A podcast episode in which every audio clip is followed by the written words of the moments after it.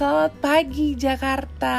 Halo semuanya. Buat yang masih di jalan, lagi macet-macetan, atau yang udah nyampe di kantor kepagian, atau masih di rumah pusing mau mikirin masak apa nih hari ini atau ada yang juga masih bingung ini hari hari apa ya karena kelamaan di rumah terus oke jangan khawatir karena gue bakal nemenin kalian semua apa pun kesibukan kalian kalian bakal gue temenin dengan cerita-cerita seru dari gue oke?